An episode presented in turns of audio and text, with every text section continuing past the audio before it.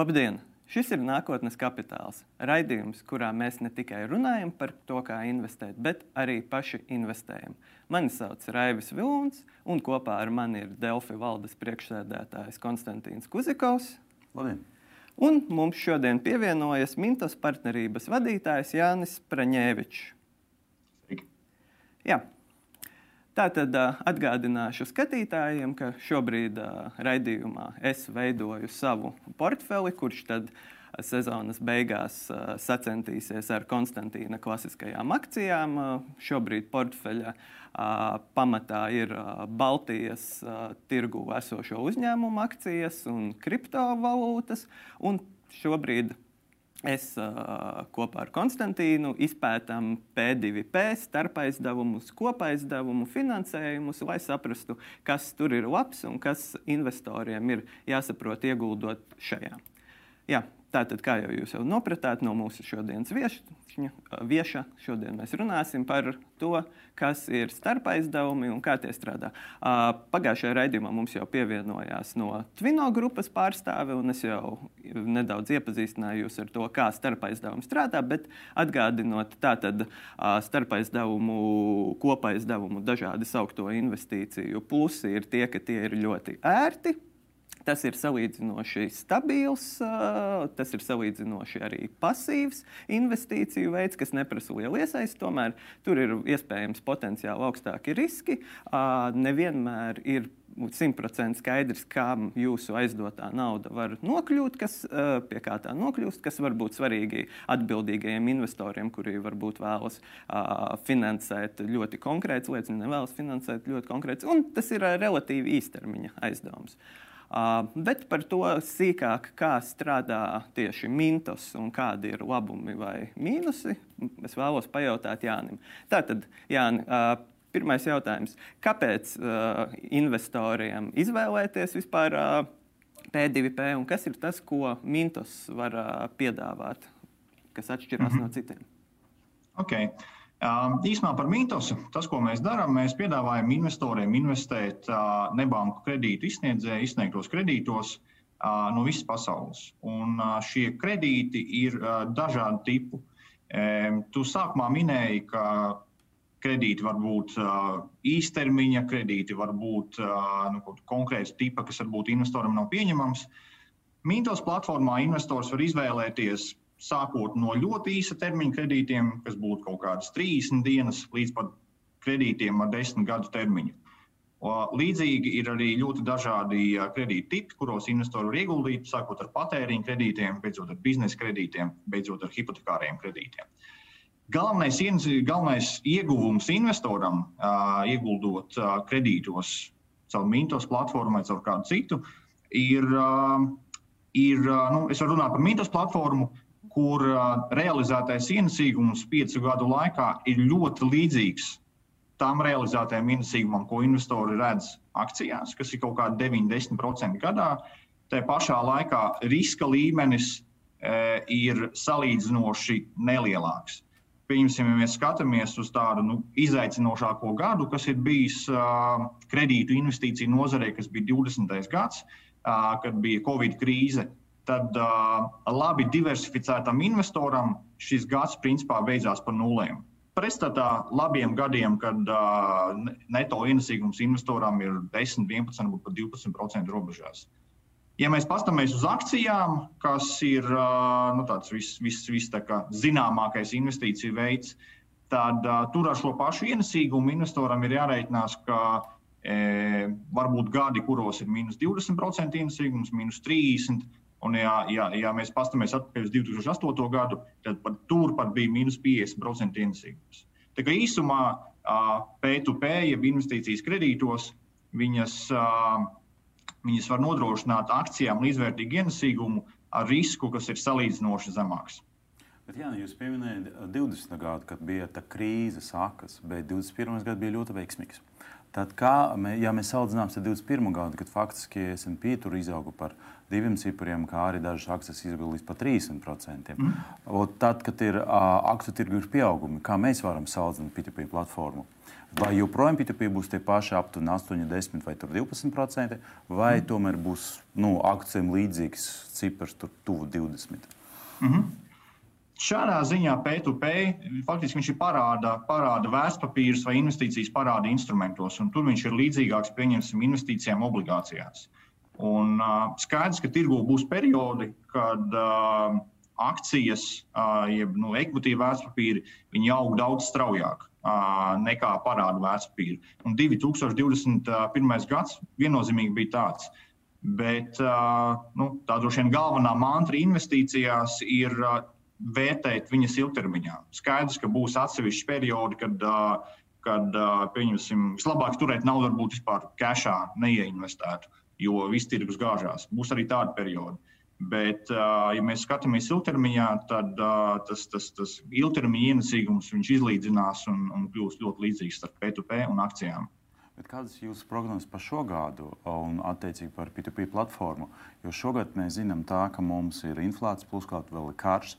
Attiecīgi mēs jau tagad redzam to, ka dažam akcijas cenas aizgāja uz augšu. Tas, ja mēs runājam par lauksaimniecību, faktiski par tām precēm, kas varētu kļūt deficīta sakarā ar kāru, vai tas mm. ir metāls, vai tas ir graudi, vai, vai viss, kas saistīts ar lauksaimniecību. Un vienlaicīgi, ja mēs runājam par tehnoloģiju uzņēmumu, tad viņi iet uz leju.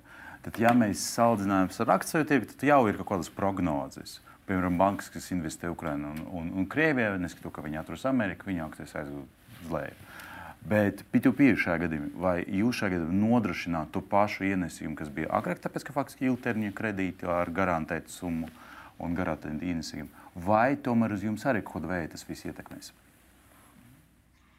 Vai, nu, būs progno, augstāk, progno... vai būs zemāk? Tas ir labākais jautājums. Vai, vai, okay. vai jūs esat šajā, šajā, šajās apskatījumos instruments, kur vajag investēt? Sapratu. E, prognožu izteikšana ir tāds uh, diezgan uh, piņķerīgs bizness noteikti, jo cilvēks, ja, ja, ja cilvēks spētu perfekti prognozēt, uh, kas notiksies tirgos, tad nu, tāds cilvēks noteikti būtu miljardieris, ja ne, ja ne triljonārs. Bet, ja mēs skatāmies uz to, kas šobrīd notiekās no tāda putna lidojuma, tad uh, pirmkārt, kredīti, kas ir izsniegti uh, Latvijā, Amerikā, Eiropā, uh, Āzijā, tur šobrīd uh, notiekušajam karam ir, uh, nu, principā, mēs vispār nekādu ietekmi neredzam. Aizņēmēji kā maksāja, tā maksā, un uh, tur tā maksājuma kvalitāte ir absolūti nemainījusies. Uh, Ja mēs skatāmies, kas notiksies tajā brīdī, kad inflācija kļūst straujāka, iespējams, ka tam būs ietekme kaut kāda uz maksājuma kvalitāti, bet mēs skatāmies arī, ko dara kredītu izsniedzēji. Kredītu izsniedzēji arī redzot teiksim, šīs tendences, viņi piegriež spīles attiecībā uz jaunu kredītu izsniegšanu. Viņi kļūst izvēlīgāki attiecībā uz jaunu kredītu izsniegšanu. Līdz ar to nu, reģionos, kas nav tieši pie Krievijas un Ukrainas, šobrīd nav pamata gaidīt kaut kādus būtiskus pasliktinājumus. Ienesīguma ziņā šiem kredītiem, kas ir ārpus Ukrainas un, un, un Krievijas, manuprāt, tāda nu, prognoze atļaušos teikt, ir, ka ienesīgums būs līdzīgs kā arī iepriekšējā gadā, kas ir šie 8, 9, 10%. Tas nozīmē, ka faktiski šajā gadījumā jūs esat stabilizācijas vai stabils, pareizi sakot, finanšu instruments, tāpēc ka akcijas svārstības šogad ir ļoti augsts un būtu vēl lielāks. E, jā, jā, viņš noteikti ir stabilāks nekā akcijas, bet nu, es noteikti arī neliktu vienā kategorijā, piemēram, ar depozītiem vai arī ar, vai arī ar, vai arī ar valstu uh, suverēnajiem, uh, suverēnajām parādzīmēm. Tā, tā tomēr ir cita kategorija, kur mēs domājam tikai par kapitāla saglabāšanu. P2P, ja ieguldījumi kredītos, tomēr ir kaut kas tuvāks nu, tādiem au, augstu ienesīgumu obligācijām vai akcijām, kur ienesīgums ir augstāks, bet nu, kaut kāds risks arī, protams, figurē. Hm?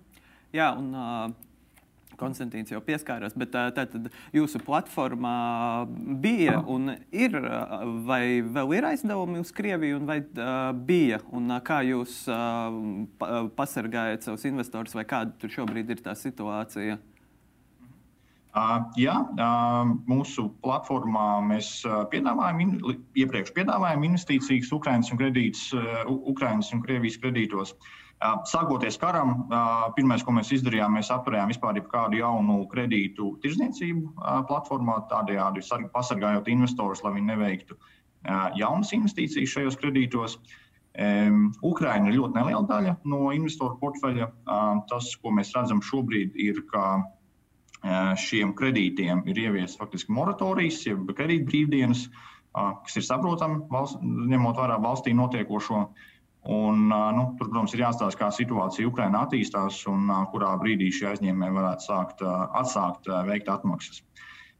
Tas, ko mēs redzam savukārt Krievijā, ir, ka aizņēmēju maksājuma disciplīna vēl ar vienu ir, vēl ar vienu ir laba.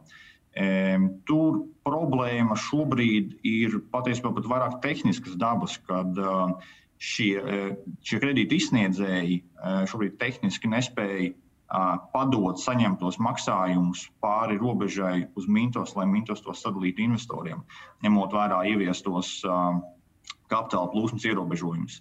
Tāpēc tas ir tā, teiksim, šīs, šīs dienas izaicinājums, pie kā mēs strādājam un kuru mēs risinām.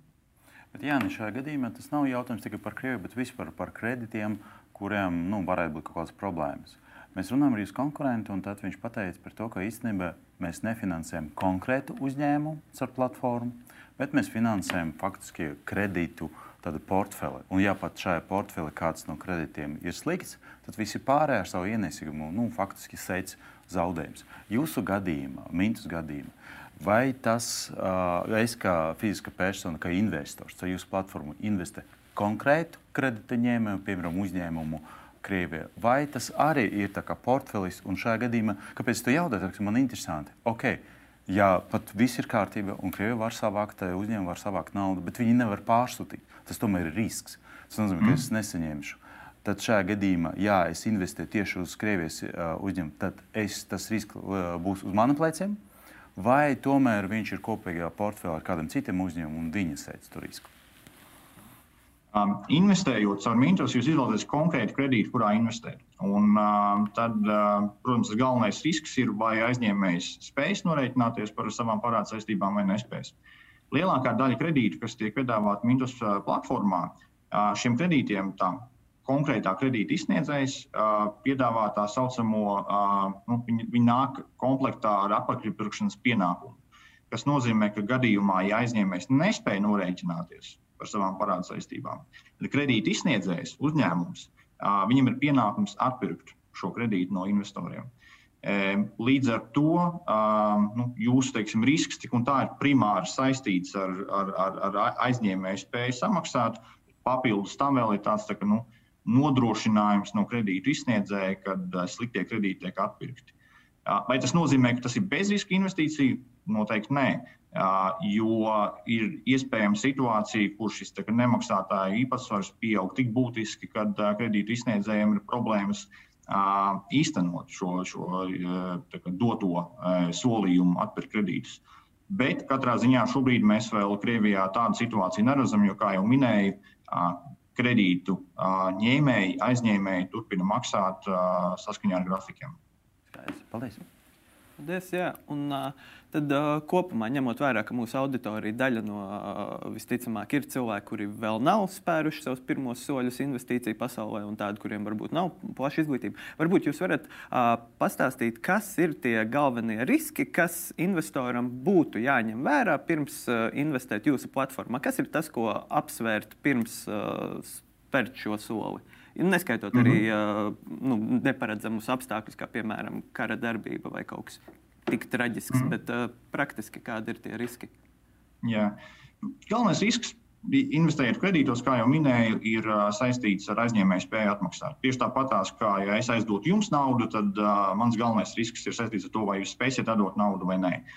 Um, attiecīgi, um, tas Un, un tas tiek papildus nodrošināts ar, tā, ar, ar manis minēto jau atpakaļpirkšanas pienākumu, kas eh, gūstas uz kredītu izsniedzēju pleciem. Um, Vislabākais veids, kā šos riskus menedžēt, ir uh, nelikt visus solis vienā groziņā. Tieši tāpat kā akciju tirgū, nav ieteicams investēt visus uzkrājumus vienā vai, vai pat divu vai trīs uzņēmumu akcijās. Ir daudz labāk viņus tomēr izklāstīt plašākā uh, investīciju spektrā. Tas pats attiecās arī uz investīcijām kredītos. Uh, Man liekas, bija Harijs Markovits, kas ir Nobela prēmijas laureāts, un viņa, viņas pārnotais izteiciens ir, ka finanšu tirgū nav brīvpusdienu, izņemot diversifikāciju. Tās ir vienīgās brīvpusdienas, kas ir, kas ir investoriem.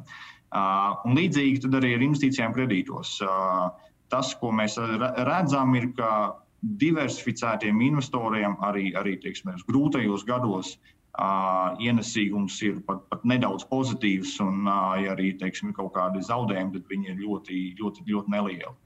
Um, tā kā Un, un, un, un tam arī mums kā reiz ir labi piemēroti instrumenti, kur investors var caur tādu tā kā, sava veida uh, mintos stratēģiju, kas ir kaut kas līdzīgs investīciju fondam, uh, ieguldīt, un, uh, un, un mintos viņa, viņa vietā jau veic šo diversifikāciju, un, un investoram nav pašam kā, jāizvēlas konkrēti kredīti, kuros investēt. Mhm, jā, un es uh, saprotu, tā atpakaļpirkuma garantija tas gan uh, var aizņemt uh, zināmu laika periodu. Tā, nu, Proti, ja tas kredīts netiek sekts, ka, kam tika aizdots, tad uh, tur pastāv diezgan ilgs laiciņš, kamēr uh, varētu šī nauda atnākt atpakaļ pie investora. Vai tā, jo tur uh, tiek iesaistīti maksāt uh, piedziņas uh, speciālisti, es saprotu, ka dažu kredītu gadījumā un tā tālāk. Tas ir jārēķinās ar uh, nu, kādu laiciņu arī tādos gadījumos, vai ne? Atpakaļpirkšanas garantija strādā tā, ja aizņēmējs kavēja savas saistības par 60 dienām, tajā brīdī automātiski šis kredīts tiek atpirkts no investoriem, un e, kredītu izsniedzējiem iestājās pienākums e, samaksāt šo atpakaļpirkuma maksu investoram. E, parāda piedziņa no gala aizņēmēja, tas jau gulstās uz, uh, uz, uz kredītu izsniedzēju pleciem, un uh, to investors pat īsti nejūt. Tāpēc, kamēr vien var kredītu izsniedzējs norēķināties par atpakaļpirkuma garantiju, norēķins notiekās būtiski momentāni. Mhm. Vai tas nozīmē, ka šajā gadījumā investori gandrīz neko neriskē, ja šajā gadījumā ir tāda tikai divi vai trīs tādi uzņēmumi, kas nevar norēķināts, un tad ieslēdzās visa šī garantija? Mm -hmm. e, tas risks, kas pastāv arī tad, ja ir šī atpakaļpirkuma, atpakaļpirkuma pienākums, ir tad, ja šī kredītu izsniedzēja portfelī šādu slikto kredītu īpatsvars būtiski pieaug. Mm. Un, uh, kaut arī tur vienmēr tas, ko mēs prasām un sagaidām no kredītu izsniedzēja, ka tur ir zināms buferis, ir zināmas rezerves, no kurām šīs, šīs, šīs atpakaļpirkuma uh, maksas samaksāt. Uh, var iestāties apstākļi, kas uh, ir, ir, ir uh, krietni būtiskāki nekā, nekā, nekā, nekā prognozēts, piemēram, Covid uh, krīze. Kā rezultātā kredītu izsniedzējiem uh, var būt problēmas uh, izpildīt šo atpakaļpirkuma pienākumu. Tādā gadījumā tas, ko mēs, mēs darām, mēs sēžamies pie pārunu galda ar kredītu izsniedzēju un uh, skatāmies, plānojam, kā šīs saistības pret uh, investoriem iespējams uh, restruktūrēt, lai nore, viņas beigu beigās notiktu pilnā apmērā ar investoriem. Tad, kad es veidoju savu portfeli, tad uh, Kaspars Pēcnieks ieteica man, sakot, vienam principam, ir jāinvestējas akcijas, ko tu saproti. Un tāpēc, principā, es arī ierobežojos tikai ar 15 akcijiem. Tas ir tuvāk Buff, Buffeta principam nekā daļai principam, kas saka, ka jābūt 30 vismaz no tālāk. Mm. Piemēram, ja es nolēmu investēt uh, un izmantot jūsu pakalpojumus, es nevaru īstenībā saprast, man nav informācijas par šiem kredītu izsniedzējiem, faktiski par jūsu kredītņēmējiem. Jo tas nav faktiski tādas, uh, tādi uzņēmumi, kā nezinu, Apple vai Microsoft, par kuriem ir nu, pietiekami daudz informācijas. Kā tad mm. man šajā gadījumā, vai, vai man ir divi jautājumi? Pirmais, kā man viņu izvērtēt, jo faktiski varbūt pat dažiem no viņiem es uzzināšu no jūsu plāsu pirmo reizi savā mūžā. Un otrais jautājums, vai ir kaut kāds tāds universāls in, e, instruments kā ETF, ka ok, es investēšu kaut kādu kredītu izsniedzēju paka, tāpēc ka es nevaru viņu pētīt, bet es saprotu, ka kopumā piemēram, tur viss, kas notiek Eiropā vai kas notiek Krievijā, tas ies uz augšu. Tikai divi jautājumi. Kā man saprast, who is who in the zoo? Un otrais, vai ir kaut kāds universāls instruments ar jūsu platformu? Okay. Pirmais ir jā, par, par katru kredītu izsniedzēju un viņa izsniegtajiem kredītiem ir pieejams plašs informācijas daudzums Mintus platformā. Um, auditētie finanšu pārskati par kredītu izsniedzēju, uh, kredīt, izsniegto kredītu uh, raksturojums, uh, kāda ir aizņēmējiem piestādītā efektīvā gada likme, kādi ir termiņi, kas ir tipiski aizņēmēji.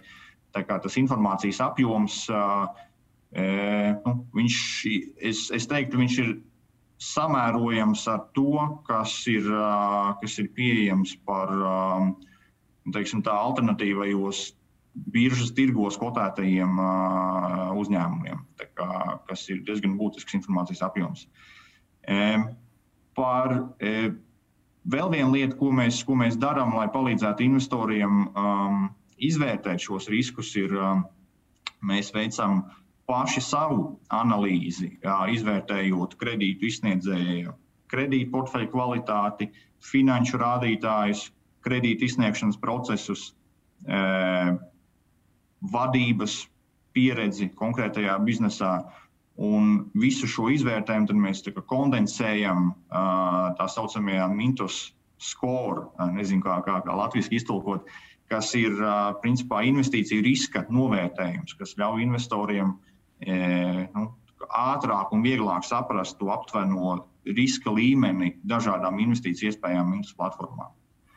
Jā, bet tas ir jūsu iekšējie dati. Tas nozīmē, ka nav skata no malas. Un, bet no otras puses, arī varu pateikt par to, ka arī starptautisku banku eksperti bieži kļūdās par Apple vai Microsoft akciju pieaugumu vai kritumu.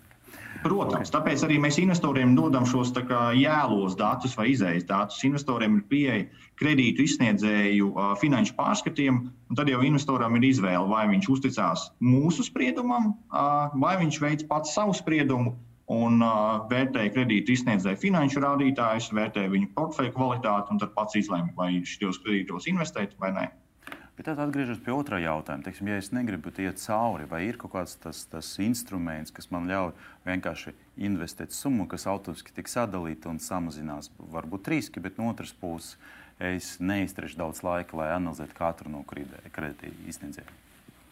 Jā, tieši tāds instruments arī mums ir, un uh, to sauc par mintu stratēģijām. Uh, Un, uh, tur investori var izvēlēties uh, no trim uh, stratēģijām, ar kuru palīdzību, uh, pieņemsim, 1000 eiro vai kura cita summa, ko viņi vēlās ieguldīt, tiks automātiski sainvestēta un uh, diversificētā veidā sainvestēta saskaņā ar iepriekš noteiktajiem principiem. Uh, viens ir konservatīvā stratēģija, kurā tiek iekļauti uh, kredīti no kredītu izsniedzējiem, kam ir visaugstākais mītus skolu, kam ir viszemākais uh, kavēto kredītu īpatsvars Otra stratēģija ir diversificētā, kur tiek investēts visu kredītu izsniedzēju kredītos, attiecīgi maksimāla diversifikācija. Un tad trešā stratēģija ir high yield, jeb augsta ienesīguma stratēģija, kur tiek investēts kredītos ar, ar, ar visaugstāko piedāvāto ienesīgumu. Līdz ar to investori var izvēlēties sev piemērotāko stratēģiju atkarībā no, no vēlamā riska līmeņa. Un ar kādu summu es varu startēt? Startēt var ar 10 eiro investīciju. Tas ir minimums, kas, kas ir Mintus platformā. Līdz ar to investīcijas kredītos caur Mintus ir zaļošos teikt pieejamas ikvienam. Uh, ir iespējams gan investēt kaut kādu vienu uh, summu uh, vienreiz, ir iespējams arī uzlikt kaut kādus regulārus maksājumus, uh, piemēram, no saviem ienākumiem ik mēnesi, kas pēc tam tiek investēti. Uh, tādā ziņā Mintos ir ļoti labs uh, pirmais solis investīciju pasaulē, jo viņš ļauj investēt uh, ērtā veidā, uh, ar, sākot ar pavisam nelieliem apjomiem.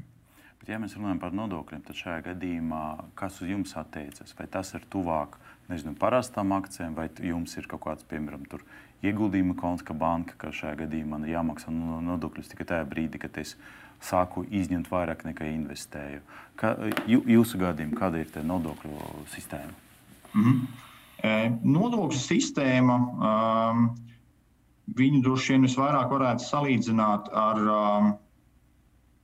manuprāt, tas ir kapitāla pieauguma nodoklis un attiecīgi tā efektīvā likme. Viņa ir 20% gūtajam ienākumam.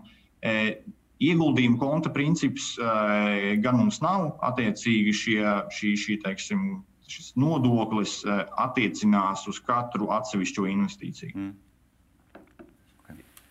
Okay. Un uh, tad uh, salīdzinoši vienkārši jautājums par to, uh, kādas ir uh, izmaksas, ar ko investoram jārēķinās. Uh, vai ir kaut kādas uh, komisijas maksas par darbībām, uh, vai kaut kādas citas lietas, kas uh, tad, uh, sa samazina to šķietamo peļņu vai kaut kā tā? Slēpti maksājumi. Vai ir tādi? Komisija maksas par uh, investīciju veikšanu par investīciju uzturēšanu nav. Līdz ar to e, lauztiesā investoru investīcijas savu mintos ir bez komisijām. E, vienīgās komisijas, ko mēs piemērojam, ir, ja investors izvēlās otrreizējā tirgū pārdot savas investīcijas pirms termiņa kādam citam investoram, tad mēs piemērojam 0,85% komisiju par šo, par, šo, par šo darījumu. Un otrs komisijas tips būtu, ja investors tur ilgstoši lielākus līdzekļus uz savu mītnes konta, kas netiek investēti. Tā saucamā neaktivitātes komisija. Tas ir sasieta, nu, droši vien li, li, li, līdzīgi kā arī teiksim, bank, bankās mēdz būt komisijas par lielākiem atlikumiem, ja tie netiek investēti, tad arī mēs tādu esam ieviesuši. Jo vienkārši šīs teiksim, summas nesinvestētās investoru uh, nu, rada kaut kādas arī neniecīgas izmaksas mums pašiem. Tāpēc uh, mēs investorus noteikti gribam kā, um, skubināt, investēt, vai arī varbūt to naudu, ja viņi jūt, ka viņi minusā neinvestēs, tad, tad varbūt labāk investēt arī, arī citvietā, nekā tikai turēt uz konta. Jā, nu jūs pieminat, ka ir opcija, ka es pārdošu savu investīciju. Vai šajā gadījumā man jāatrod pašam kādu investoru tieši jūsu platformā, vai šajā gadījumā es varu pārdot to investīciju jums, un jūs pēc tam to piedāvāsiet investoriem? Kā tas darbojas? Ja jūs izlemjat pārdot savu investīciju ātrāk, tad jūs uh, paņemat konkrēto kredītu, norādat par kādu cenu vai ar kaut kādu prēmiju vai atlaidi jūs gribat pārdot šo, šo kredītu, un uh, viņš tiek izlikts otrreizējā tirgū. Uh, tad jūs gaidat, vai, vai kāds investors iegādāsies vai nē. Otrreizējais tirgus patiesībā ir visai likvīds. Mēs arī esam radījuši automatizētus rīkus, ar kuru palīdzību investori var investēt caur otrreizējo tirgu. Piemēram, norādot, ka Jūs varētu norādīt, ka es gribu investēt uh, autokredītos, kas ir izsniegti Latvijā, kuru termiņš nav garāks par diviem gadiem, un kur uh, investoram piedāvātais ienesīgums ir vismaz 10%. Un, uh, šim teiksim, automātiskajai stratēģijai darbojoties, viņi uzlasīs visus uh, kredītus, kas tiks izlikt otrreizējā tirgū. Tā rezultātā, ja jūs uh, izliekat savu kredītu pārdošanai, tad uh, normālos tirgus apstākļos viņš tiek uh, nopirkts visai ātri. Citi investori otrreizējā tirgu ir aktīvi un uh, šie kredīti tiek uh, nopirkti. Jā, bet tas attiecīgi ļaus man pēc iespējas ātrāk aiziet cash. Tā kā nu, laba opcija. Jā, un uh, tuvojoties noslēgumam, tad es gribu paprasīt vispārīgi, kādi būtu tie jūsu ieteikumi, ka, kā balansēt portfeli Mintosā un kā vispār jaunam investoram, nu, tad, ko, ko viņam darīt. Nu, noskatījās cilvēks šodien raidījumu, viņam ir pieņemsim 100 eiro no algas, ko viņš vēlas sākt šomēnes investēt, kas ir tie pirmie soļi, ko spērt un kā par to labāk domāt. Mm. E Pirmais solis noteikti būtu skatīties uz saviem uzkrājumiem tādā portfeļa griezumā. Mintos ir laba investīcija iespēja, bet tai nevajadzētu būt vienīgai, vienīgajam instrumentam, kas ir jūsu portfelī. Līdzīgi kā arī akcijām nevajadzētu būt vienīgajam instrumentam. Mūsu ieteikums būtu, viņš taisās tie žēlūzijas, bet būs tumsa. Mūsu ieteikums būtu investēt caur mintus aptuveni 20-30% no savu portfeļa. Tad, kad teiksim, ir vēlme veikt šīs investīcijas, tad uh, mītos kontu atvērt ir ļoti vienkārši. Uh, veicot pirmo uh, pārskaitījumu uz, uh, uz uh, savu mītos kontu, tad uh, vienkāršākais veids, kā investēt, ir uh, ieguldīt tieši caur, caur šīm mītos stratēģijām, un uh, tad jau izvēloties nu, adekvātāko riska līmeni, uh, investors var ieguldīt vai nu konservatīvajā stratēģijā, vai diversificētajā vai augsta ienesīguma stratēģijā. Un tad jau šie teiksim, 200 eiro tiks automātiski sainvestēti diversificētā veidā saskaņā ar attiecīgo risku līmeni. -hmm. Jā, paldies! Ar to arī mūsu raidījums ir uh, pietuvojies beigām. Teikšu paldies mūsu viesim Jānim. Un uh, skatītājiem vēlos atgādināt, ka mēs ar Konstantīnu katru pirmdienu Delfi biznesa sadaļā publicējam aprakstus par to, kā veicas uh, mūsu portfeļiem. Konstantīna jau gatavajam, kurš mainās, manam, kurš vēl aizvien top. Un savukārt uh, katru otrdienu, pulksten desmitos Delfi TV var noskatīties nākotnes kapitāla jaunākās epizodes. Taču, ja jūs to nokavējat, jūs vienmēr varat uh, Delfi biznesa sadaļā nākotnes kapitāls atrast gan epizodes, gan to aprakstus. Paldies! Un uh, nākamajā raidījumā Es pastāstīšu un salīdzināšu vairākas P2P platformas, parādīšu, kā tās strādā, un uh, pastāstīšu par plusiem un mīnusiem un saviem apsvērumiem, kuru no tām es varētu izvēlēties uh, sava portfeļa veidošanai. Uh, paldies, Konstantīna! Paldies, paldies Jāni! Paldies! Visu labu! Vislabāk! Vislabāk.